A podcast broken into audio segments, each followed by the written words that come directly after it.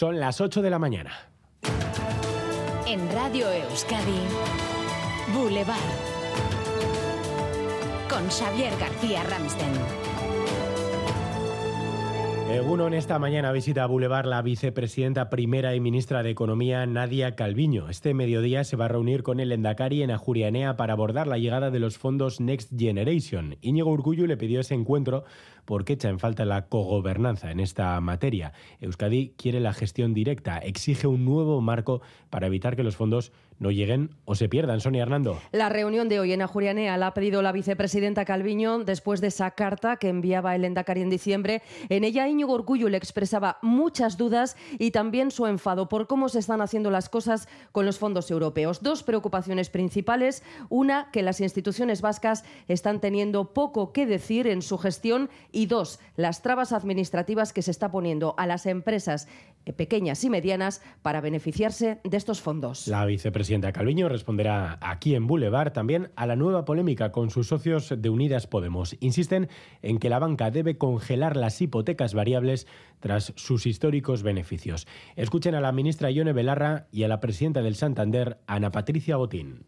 Se están subiendo por centenares de euros las hipotecas a tipo variable y que el Gobierno actúe lo antes posible con ese tope a las hipotecas es ya una urgencia y además cuanto más tardemos, peor. Lo que uno puede no es llegar a acuerdos o poner condiciones que expulsen del mercado hipotecario a los más vulnerables. El Banco Central Europeo ha vuelto a subir los tipos de interés hasta el 3% y ha anunciado que habrá más incrementos en marzo. El Euribor seguirá escalando.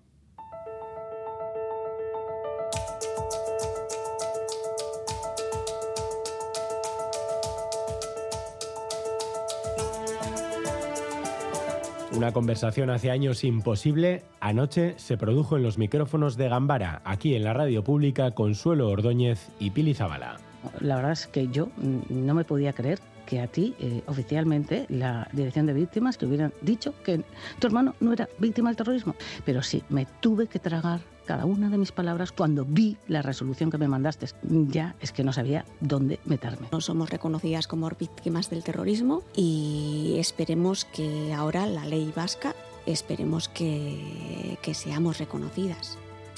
Enseguida ampliamos este diálogo que podrán escuchar también en nuestra web en itv.eus y miramos también a Donostia porque un niño de nueve años que el pasado 9 de enero denunció ante la Archanza haber sido víctima de agresiones sexuales por parte de un familiar sigue a la espera de ser explorado por un forense 25 días después de haber presentado la denuncia. ¿Qué ha pasado exactamente, Laida Basurto?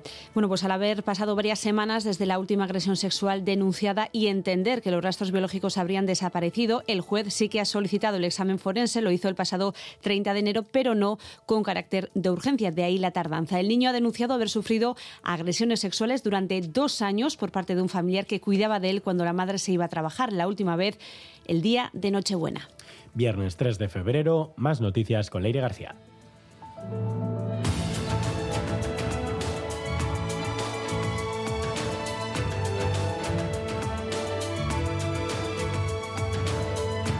Las mascarillas dejarán de ser obligatorias también en las ópticas, centros de audiometría y ortopedias. El próximo martes se aprobará en el Consejo de Ministros la medida relativa a estos centros y a los medios de transporte, donde ya se había anunciado también dejará de ser obligatoria. Se prevé que entre en vigor al día siguiente, el miércoles día 8. Las mascarillas sí seguirán siendo obligatorias en los hospitales, centros sociosanitarios y en las farmacias. En Navarra hoy está convocada una nueva reunión entre el Departamento de Salud y el Sindicato Médico de Navarra. El Gobierno foral cifra el seguimiento de la huelga de la jornada de ayer en un 6,73%. Otros cinco sindicatos han convocado una huelga en todo el sector sanitario para el miércoles 15 de febrero. En Bilbao hoy se va a ratificar el acuerdo sobre el convenio del sector del metal. Una representación de los sindicatos LAB, Comisiones Obreras y UGT junto a la Federación Vizcaína del Metal va a participar en la firma ante la viceconsejera de Trabajo. El acuerdo alcanzado esta semana contempla subidas salariales del 15% de forma progresiva hasta el año 2025. El paro ha aumentado durante el mes de enero, 2.000 personas desempleadas más en Euskadi. Más paro que se atribuye al fin de las campañas de Navidad en comercio y hostelería, aunque también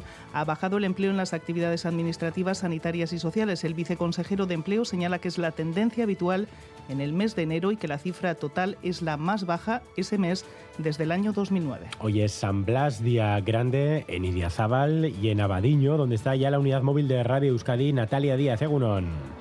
Egunon, supongo que lo escucháis. Aquí estamos junto a una enorme fila de ganado que lleva aquí desde las cinco y media, en concreto en la parte trasera del trinquete, que es el corazón de esta importante feria que se retoma con todo su esplendor y se espera más multitudinaria que nunca. Casi 80 productores estamos viendo, están ultimando sus puestos de frutas y hortalizas, queso, miel, chacolí y todos nuestros productos y también, como no, muchísimos puestos de repostería para, como manda la tradición, comernos esas tortas y rosquillas y colgarnos también ese cordón que nos librará de los males de garganta. Así se está ultimando esta feria, donde hace mucho frío, estamos a cero grados, pero se anuncia un sol espléndido. Recuerden además que hay un autobús lanzadera para llegar hasta aquí. A ver ese sonido de fondo, Natalia.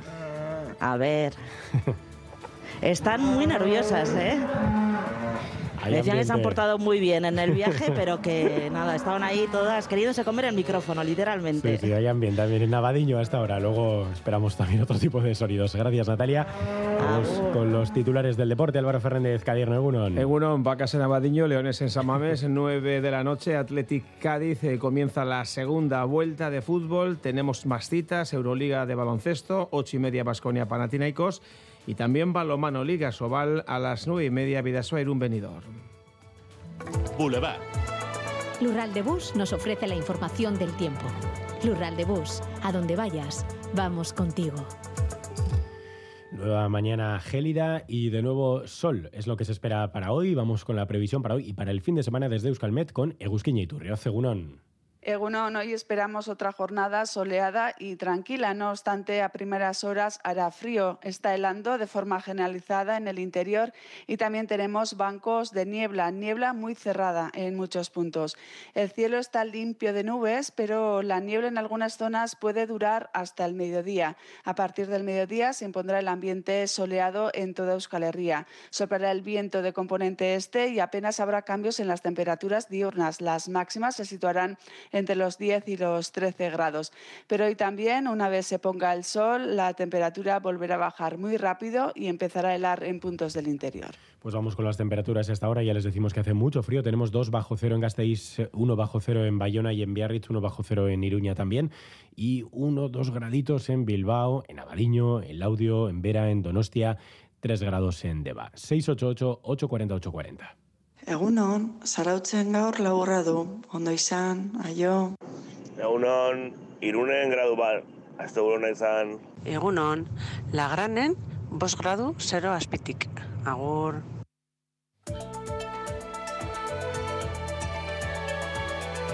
Boulevard. Tráfico. Sin problemas en las carreteras, según nos informa el Departamento de Seguridad del Gobierno Vasco. Si son testigos de algún problema, eh, ya saben que nos pueden enviar un WhatsApp. En todo caso, precaución esta mañana, sobre todo por esas heladas y por la niebla que todavía hay en algunos puntos del interior. Turno de tarde en el hospital. Ocho horas me esperan. Voy a visitar a Laitona, a pasear juntos un ratito. Con las amigas al teatro. ¡Qué ganas tenía ya!